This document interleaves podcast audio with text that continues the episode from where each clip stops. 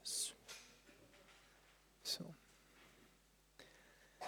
Härligt. Vi hade sommarläger i somras, kommer ni ihåg det? Var det någon som var där? Det var någon som var där, ja.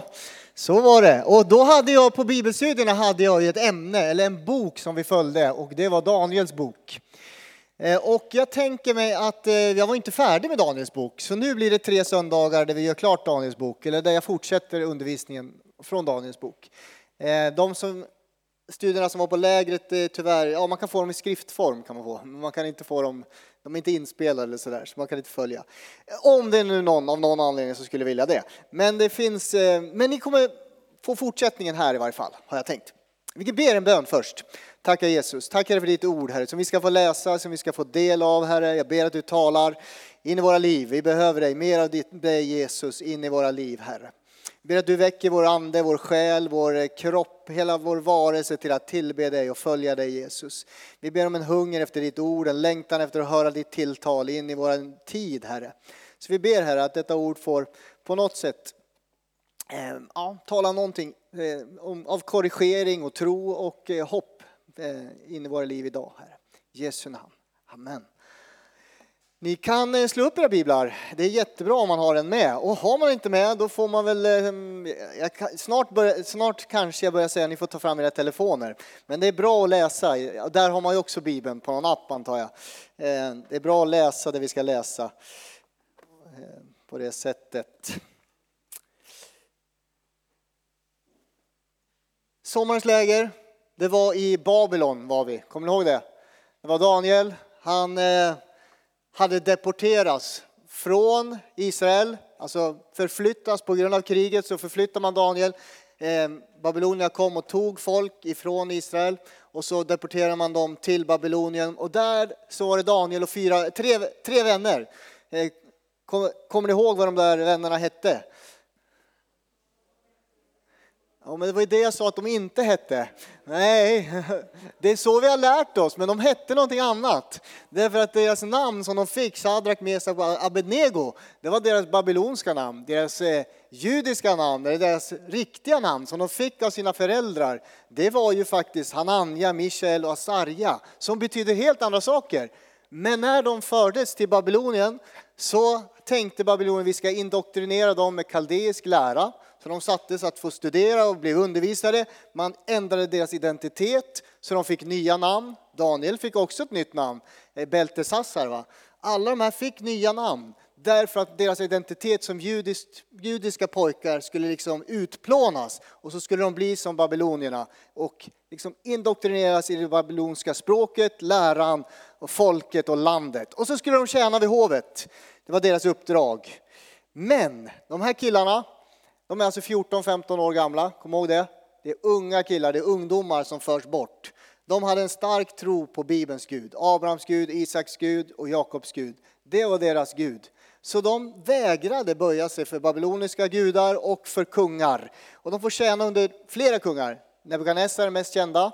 Han var den som Gud sökte hela tiden under många år, 30 års tid får man följa hur Gud söker Nebukadnessar och hur Daniel får spela en roll där och föra honom till, till jag tror att Nebukadnessar till och med kommer till tro.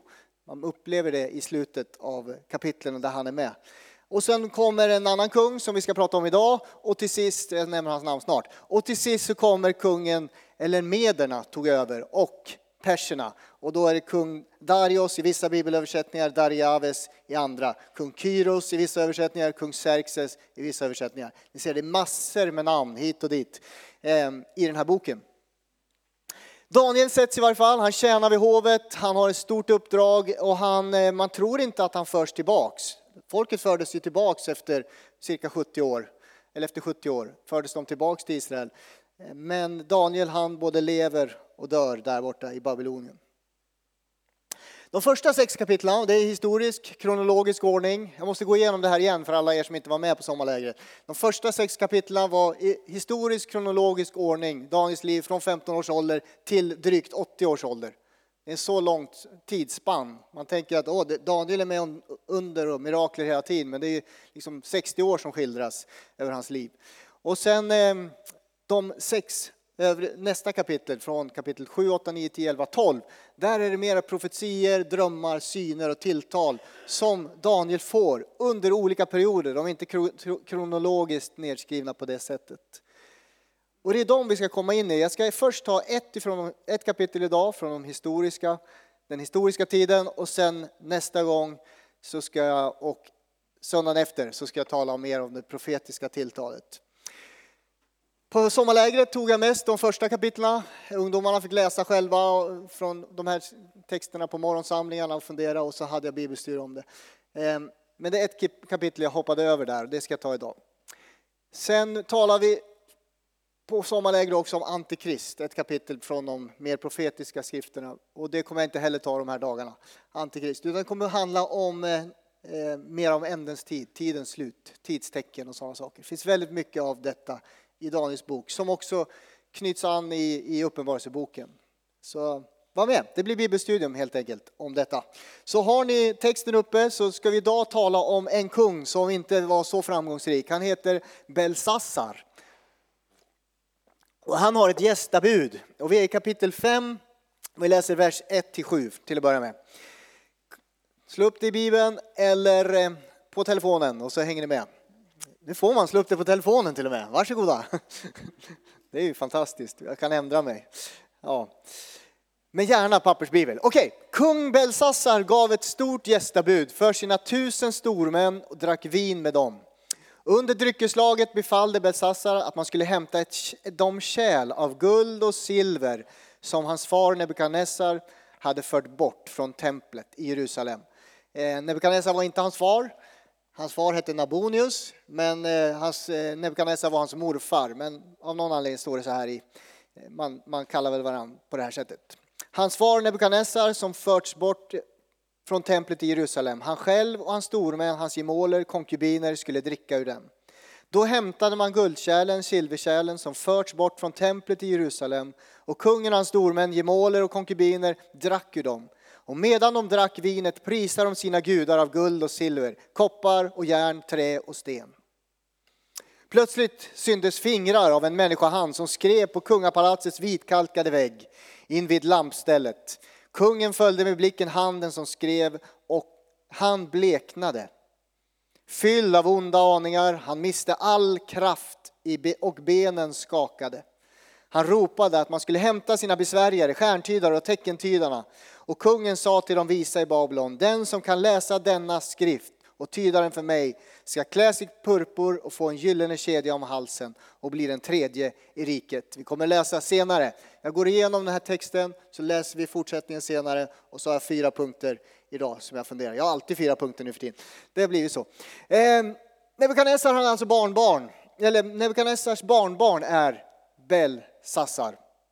Eh, hans eh, pappa hette Nabonius och Nabonius hade ingen lust att regera. Han satt i sitt sommarpalats någon annanstans och så säger han till sitt barn, du kan få vara lydkung och regera, ställföreträdande kung under en tid. Han regerade från år 553 f.Kr. till det babyloniska rikets fall 539 f.Kr. Där tjänar Daniel vid hovet. Han är nu 82 år gammal. Alltså en gammal är det någon som är 82 här? Inga 82-åringar, det var dåligt med, vi behöver flera äldre i församlingen. Nej men ni vet, det är liksom en ganska hög ålder, han har kommit någon vart i livet. Han är en hög ålder och tjänar fortfarande och under hela sitt liv har han aldrig någonsin kompromissat med sin tro på Bibelns Gud. Han levde efter det judiska livet, efter bönerytmen, efter allt detta som fanns i Gamla Testamentet. De texter han hade lärt sig som barn levde han och följde han fortfarande. Han tjänade i främmande land. Han tjänade främmande kungar som tillbad avgudar. Beltesassar, han har en stor festmåltid och festen spårar ur. Har du varit på en fest som spårar ur? Ni får tänka någon gång. Har du någon gång varit på en festmåltid som spårar ur? Jag har varit det många gånger. Det var mer i min ungdom faktiskt. Men, men jag har ju varit på fylleslag jag med. Innan jag kom till tro och blev frälst. Nu dricker jag aldrig någon alkohol. Jag, jag skulle kunna vara på fester, det dricks alkohol, men jag dricker ingen själv. Men då i varje fall, det, det spårar ur. Men en jul var jag på en fest faktiskt. Eh, och det var inte på grund av all, jo, det var nog på grund av alkoholen den spårade ur faktiskt. Icke kristna människor firade jag jul med. Och mitt i julfirande så uppdagas det, då ringer telefon. Nu berättar jag det här, jag vet inte varför jag gör det. Det är ingen här i Alunda och det är långt borta. Det är ingen som ni känner. Då ringer telefon och det är en man som ringer. Och han vill ha tag i en kvinna där på festen. Och eh, den här kvinnan råkar vara gift med en annan man och så blir det en stor intrig och stora balder därför att det är hennes älskarin, älskare som ringer på festen. Det var ingen rolig tillställning kan jag säga den. Så ibland spårar fester ur. Eh, varför jag berättar här har jag ingen aning om. Vi går vidare in i den här festmåltiden. Ibland spårar det ur och det gör det verkligen här också. Det är ett stort fylleslag, tusen stormän, deras fruar, de tar de heliga guldkärlen, de tar de heliga silverkärlen. De är plockade av Nebukadnessar i templet i Jerusalem, avskilda för Gud, för att tjäna Gud. Alltså dryckesbägare tar man. Man tar fram dem, de har Nebukadnessar fört till Babylonien. De är avskilda, heliga föremål. Det tar man och så börjar Belsassar servera vin ur detta. Man dricker, man prisar sina gudar och har ingen respekt för Israels Gud. Belsassar har inte lärt sig något från farfar, eller morfar är det förresten, morfar. Verkar inte ha påverkat honom alls. Han har inte det rätt ställt med Gud. Musiken spelar, alla äter och så kommer handen. Det kommer en hand. Jag vet inte hur den ser ut, jag vet inte hur stor den är. Men det kommer en mänsklig hand. Gud uppenbarar sig i en hand och han börjar skriva på, på, på väggen. Guds hand. Belsassars ansikte byter färg, blir vit, lika vit som väggen. Eh, han blir knäsvag, benen viker sig och han darrar. Han skälver. Gud är där på festen. Det här är ett ganska ovanligt sätt som Gud uppenbarar sig på, såklart. Men det händer i Bibeln att Gud eh, skriver med sitt finger. Bland annat när myggsvärmen kommer i Egypten så står det att detta är med Guds finger som dessa myggor kommer. När eh, Israels folk tar emot eh, lagbuden, tavlorna, så är det med sitt finger, Guds finger, som han skriver ner lagens bud. När Jesus driver ut demoner så säger han, om det är med Guds finger som jag driver ut demoner så är Guds rike ibland er. Så Guds finger dyker upp och uppenbarar sig då och då i Bibeln. Men det är en ovanligt sätt som Gud visar sig på.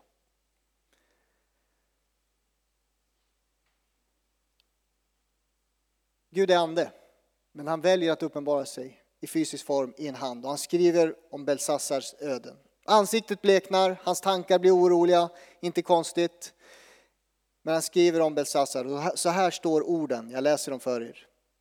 Mene, mene, tekel ufarsin. Jag vet inte om det är rätt uttalat. Men mene, mene, tekel ufarsin.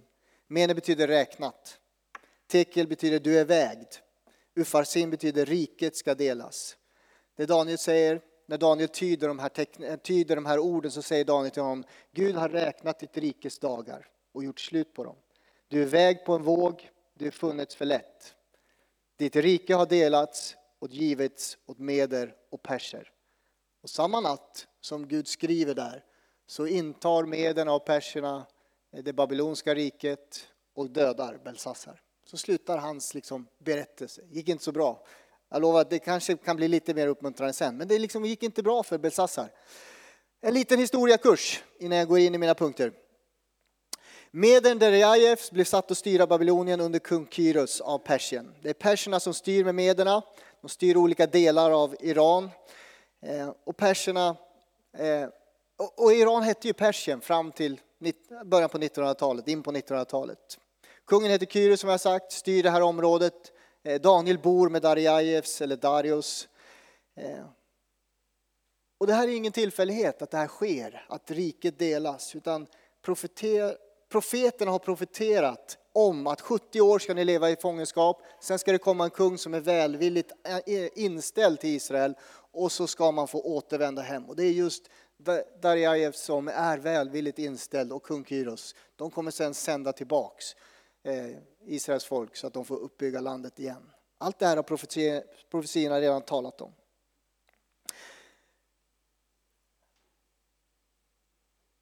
Han säger egentligen tre saker. När Gud uppenbarar sig för Belsassar så säger han tre saker. Dina dagar är räknade, dina dagar är också räknade, mina dagar är räknade. Man får 70 år, man får 80 år, man kanske får 100 år, men våra dagar är räknade. Ditt rike kommer att delas. Vi har inga riken, men han hade ett kungariket. Du har blivit vägd. Gud väger oss och det är det jag ska tala om idag. Väger Gud och ditt och mitt liv på något sätt? Och så säger han, du väger för lätt. kan vi också väga för lätt inför Gud? Det är mina fyra punkter eh, som jag ska gå igenom. Att Gud väger oss. Hur väger han oss? Ordspråksboken 16 och 2 står det så här om man vill skriva upp. Ordspråksboken 16 och 2 eh, talar Bibeln om att Gud väger oss. Människor tycker sig vara felfri. Men sinnelaget prövas, eller vägs, står det i vissa översättningar, av Herren. Alltså Gud väger ditt sinnelag, han väger dina handlingar, han väger ditt liv.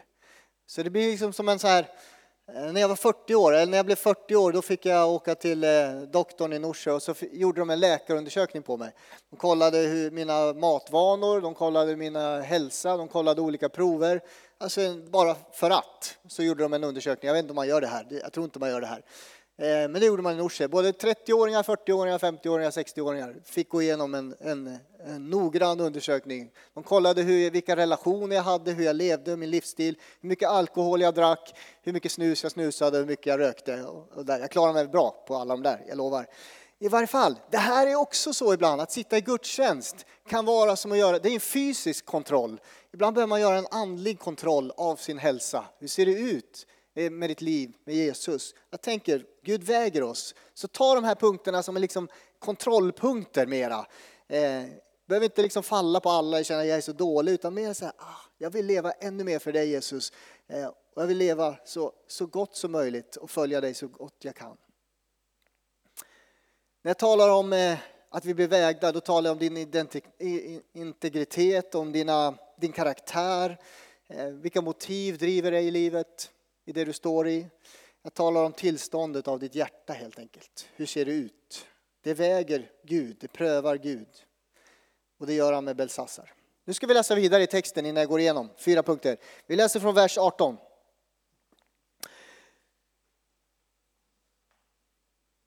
Vers 18. Kungen, den högste guden, det är Daniel som talar nu alltså. Daniel vill inte ha någon gåvor eller belöningar, säger han. Nu, nu har han fått uttyda den här tecknen och så pratar han till kungen Belsassar. Konung, den högste guden gav din far Nebukadnessar rike och storhet, ära och härlighet. Så väldig blev den storhet att han fick människor av alla folk, nationer, språk själva av fruktan inför honom. Vem han ville lät han döda, vem han ville lät han leva. Vem han ville upphöjde han och vem han ville förnedrade han.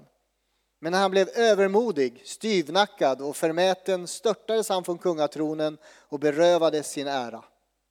Han fördrevs ur människors krets, han förvandlades och blev som ett djur. Han bodde bland vildåsnorna och levde av gräset som oxarna och hans kropp fuktades av himlens dag till dess han insåg att den högste guden råder över människors riken och sätter vem han vill att härska över dem. Men du Belsassar, som är hans son, du har, blivit, du har inte blivit ödmjuk fast du vet allt detta. Du har satt dig upp mot himlens Herre och du har låtit hämta kärlen från hans tempel. Du själv och dina stormän, dina gemåler och konkubiner har druckit vin ur dem och prisat era gudar av silver och guld och koppar och järn, av trä och sten. Gudar som ingenting ser och ingenting hör och ingenting förstår. Men du har inte härat Gud som, som har ditt liv och ditt öde i sin makt. Det var han som sände denna hand och lät den skriva denna skrift. Skriften lyder Mene mene tekel ufarsin. Så ska orden tydas. Mene, Gud har räknat ditt rikes dagar och gjort slut på det. Tekel, du är väg på en våg och befunnen för lätt. Peres, ditt rike har delats och givits åt meder och perser. Då befallde Belsassar att Daniel skulle klä sig i purpur, få en gyllene kedja om halsen och utropas till den tredje riket. Samma natt mördades Belsassar, kaldéernas kung, och medien, Meden Darej, eh, Darej, Darej, eh, jag kan inte ens säga det, Darius övertog riket 62 år gammal. Fyra saker från den här texten. Hur Gud väger våra liv. Vi får tänka liksom en vågskål, om vi väger lätt eller om vi väger tungt. Det första Gud gör med Belsassar är att han utkräver ansvar av kungen. Han utkräver ansvar från kungen. Han säger, kom ihåg vad Gud har gjort genom din morfar Nebukadnessar. Han gick från toppen till botten, han blev galen Nebukadnessar. Men när han böjde sig och ödmjukade sig så upphöjde Gud honom igen. När han liksom kapitulerade, böjde knä och bekände Gud, Daniels Gud som den enda guden, så blev han upphöjd igen. Och det är därför jag tror att han är i himlen. Du har sett morfars hjärta, du har sett att det kostade mycket för morfar. Han blev till och med galen, men ändå så vänder du dig Besassar bort från den Gud som Nebukadnessar mötte. Du var gammal nog till att ta till dig det. Du såg hans liv, men du har inte brytt dig. Du har inte påverkat dig överhuvudtaget, du har inte tagit ansvar för det arv du har fått. Så läser jag texten när Gud talar till Belsassar. Jag tänker så här, vi som är kristna, vi som följer Jesus, du som har följt honom i många år. Du kanske har tagit över dina föräldrars tro till och med. Du vet när det står att vi ska vara lyda, vad är det, fjärde budet? Eh, du ska hedra din far och din mor. Då ska det gå dig väl, du ska bo länge i detta land. När det står den texten så handlar det om att faktiskt i judisk tradition överta föräldrarnas tro. Hedra föräldrarnas tro, deras livsstil.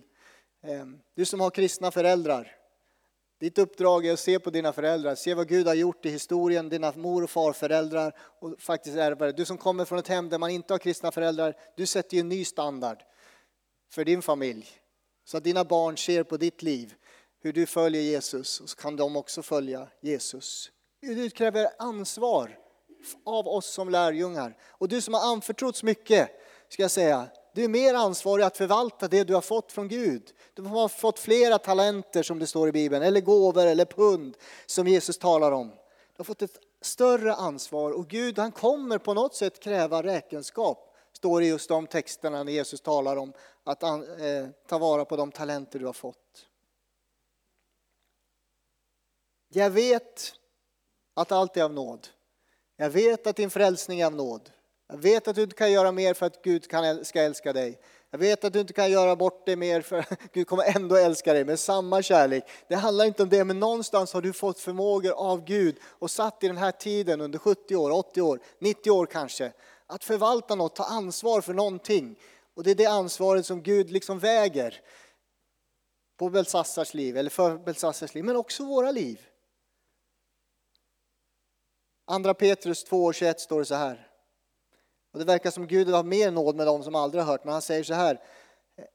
Till de som har hört, som har följt Jesus men vänt bort från honom. Det står, det hade varit bättre om de aldrig lärt känna rättfärdighetens väg än att lära känna den och vända sig bort från det heliga budskap som har överlämnats dem. Någonstans, när du har lärt känna Herren Jesus Kristus, lever för honom, så kommer Gud utkräva någon form av ansvar för vad du, hur du har förvaltat eh, de gåvor, de förmågor, de ägodelar, allt det du är och har, din familj, hur förvaltar du det? Du vägs på en våg på det sättet.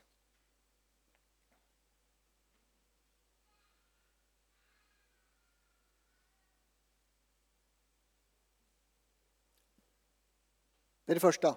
Han utkräver ansvar och väger Belsassars liv. Det andra. Belsassar, kungen, saknar helt ödmjukhet. Det är tydligt. Du Belsassar har vetat allt detta som har hänt i historien, som har hänt med din morfar. Du har inte ödmjukat dig, stod det. Högmjuk, högmod går före fall, är det någon som är det sagt. Varför kommer det hela tiden i Bibeln att Gud inte klarar av högmod. Därför att högmod sätter dig över Gud. Om han är Herre i ditt liv, du är lärjunge till Jesus och du sätter eh, Gud under dig och du dig själv över så är det högmod. Medvetet eller omedvetet förlorar man liksom förmågan att se vad Gud gör. Det beror ju på honom, att jag är den jag är, det jag har, det jag har. De gåvor jag har beror på honom, inte på mig. Jag är helt beroende av honom för mitt liv, det är att vara ödmjuk. Ödmjukhet är inte att tänka mindre om dig själv. Jag är så dålig, jag är så liten, jag förmår ingenting. Ödmjukhet är att tänka lite mindre på dig själv. Det handlar inte om mig, det handlar om Jesus. I mitt familjeliv, i mitt yrkesliv, i mitt församlingsliv, vad jag än är, så vill jag tänka mindre på mig själv och se Gud. Jag vill leva för dig. Du måste bli större, jag måste bli mindre, sa Johannes döparen. Det är det som är ödmjukhet. Och Belsassar, han vill ha tronen. Han tar till och med det heliga från templet eh, och vanhelgar det. I Jakobs brev 4 och 10 står det så här, ödmjuka er alltså under Herren så ska han upphöja er. Det är inte lätt i en kultur av, av selfies och självupptagenhet att sätta Gud först. I en kultur där det handlar om jag först hela tiden. I en kultur där man eh, hyllar och tillber faktiskt identitet och individualism så ska man sätta Jesus Kristus först. Han är Herre. Det är ödmjukhet att böja sig varje dag inför honom. Galaterbrevet 2.19 står det så här, det är Paulus, han har fattat det här. Jag har genom lagen dött bort från lagen för att leva för Gud. Jag har blivit korsfäst med Kristus. Det är det det handlar om att vara frälst. Korsfäst med Kristus. Men jag lever, fast inte längre jag själv. Det är Kristus som lever i mig. Så långt jag än lever här i världen lever jag i tron på Guds son som har älskat mig och offrat sig för mig. Jag kastar inte bort Guds nåd. Om lagen eh, kunde ge rättfärdighet hade ju Kristus inte behövt dö. Jag lever inte längre jag, är, jag lever i tron på Guds son. Att hela tiden ödmjuka sig och korsfästas med Kristus varje dag på något sätt. Ödmjukhet. Han kräver ansvar, han väger Besessars liv och säger du har inte varit ödmjuk, därför kan du inte vara kung. Och någonstans som lärjunge väger han ditt och mitt liv. Är du ödmjuk? Är du beredd att böja dig under Gud varje dag i din dagliga vandring? Det tredje. Han saknar respekt för det som är heligt. Det står att han tar Belsassar, kungen, de heliga bägarna från templet och dricker vin ur dem. De bägarna som avskilts, som finns i templet, den heliga platsen där Gud bodde. Han förstod inte att Gud är helig och rättfärdig. Gud är helig. Kan du uppleva, kan du liksom förnimma, ana en helig Gud? Hur beter du i en helig Guds närvaro? Vad gör man eller vad gör man inte? Saknar du respekt för det heliga? Det finns heliga platser, heliga stunder. Eh, där vi rör oss, där vi är. Gudstjänster ska jag säga, en avskild stund för Gud och dig att mötas. Här kan man inte bete sig hur som helst. Kyrkrummet. Jag vet att vi har konserter och lite annat, det är okej, okay, men det är ett kyrkrum. En plats där människor ska möta Gud, en helig plats. Här kan man inte bete sig och göra vad som helst. Belsassar, han tar det som är avskilt för Gud och beter sig hur som helst och har fylleslag med det. Det fungerar inte, Gud väger hans liv. Jag skulle säga det mest heliga kärl, det är du och jag som är heliga kärl. Våra kroppar, våra sinnen, våra liv är heliga kärl idag. Du kan inte göra vad som helst med det som Gud har skapat, med din egen kropp, med ditt eget sinne. Eh, det är avskilt för Gud om du följer Jesus. Guds ord säger att frambära våra kroppar som heliga offer åt Gud. Första Thessalonikerbrevet 4.1 4 står så här. Och nu bröder, när ni har fått lära er av oss hur ni ska leva för att behaga Gud. Och det är ju så ni nu ni lever. Vill vi i Herren Jesu namn vädja till er och mana er att göra ännu mer, det är Paulus som skriver. Ni vet ju vilka föreskrifter vi gav er från Herren Jesus. Detta är Guds vilja att ni ska bli heliga. Ni ska avhålla er från all otukt, var och en ska lära sig att hålla sin kropp i helg och ära. Någonstans så väger Gud våra liv. Lever du heligt, avskilt för Gud?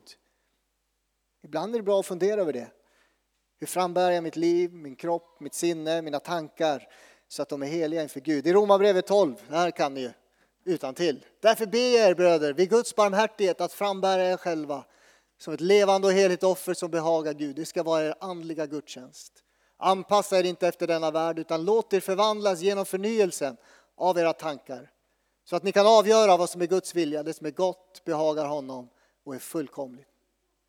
Varje dag frambära sig själv, sin kropp som ett heligt levande offer till Gud och låta sitt sinne förnyas av honom.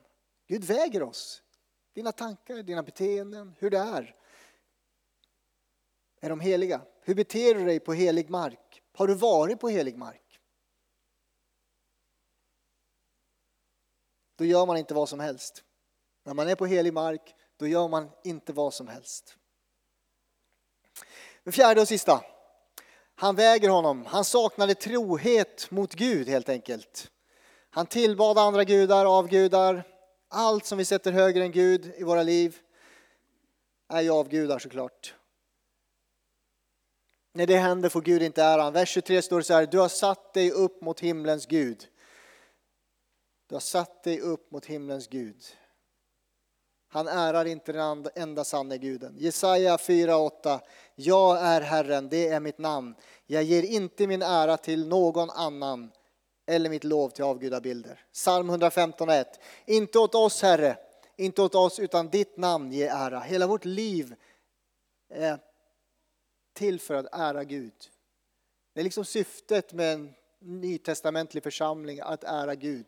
Det är syftet med en lärjunge, att ära Gud hela tiden. Gud ger inte sin ära åt någon annan. Och Belsassar hade tagit liksom på sig äran och han saknade trohet mot Gud. Gud väger våra liv, han vägde Belsassars liv. Nu blev Belsassars liv väldigt dramatiskt. Nu måste jag ju få till något här så ni inte, så ni inte känner oj, oj, kommer vi dö ikväll om vi inte håller måttet? Om vi inte väger tungt. Då ska jag säga så här, Gud ser in i ditt och mitt hjärta. Gud väger oss om det saknas något. Ibland är det jobbigt med självrannsakan, men Gud är nådefull. Ibland kan man fundera, saknas det ansvarstagande i mitt liv? Tar jag inte ansvar för det Gud har lagt ner, de gåvor Gud har lagt ner i mig? Går jag inte in i det Gud har tänkt att jag ska kliva in i? Ta ansvar för det. Saknas det ödmjukhet? Ibland sätter jag mig själv högre än Gud. Har jag tappat respekten för det som är heligt? Finns det inte något heligt längre? Då behöver man fundera i din bönekammare. Hur är det med troheten gentemot Gud? Är jag trogen honom hela tiden? Gud noterar, han väger oss, men så kan jag säga så här, det här korset, det här är ju väldigt tungt kors, det väger ju alltid tyngre, det ska man ju veta. Så om jag inte väger tungt, jag väger lätt, så väger ju korset alltid tyngre. Han har ju dött för oss, han har uppstått för oss, han, finns full, han är full av nåd, förlåtelse, en ny chans. Det finns alltid en ny chans att börja om med Gud.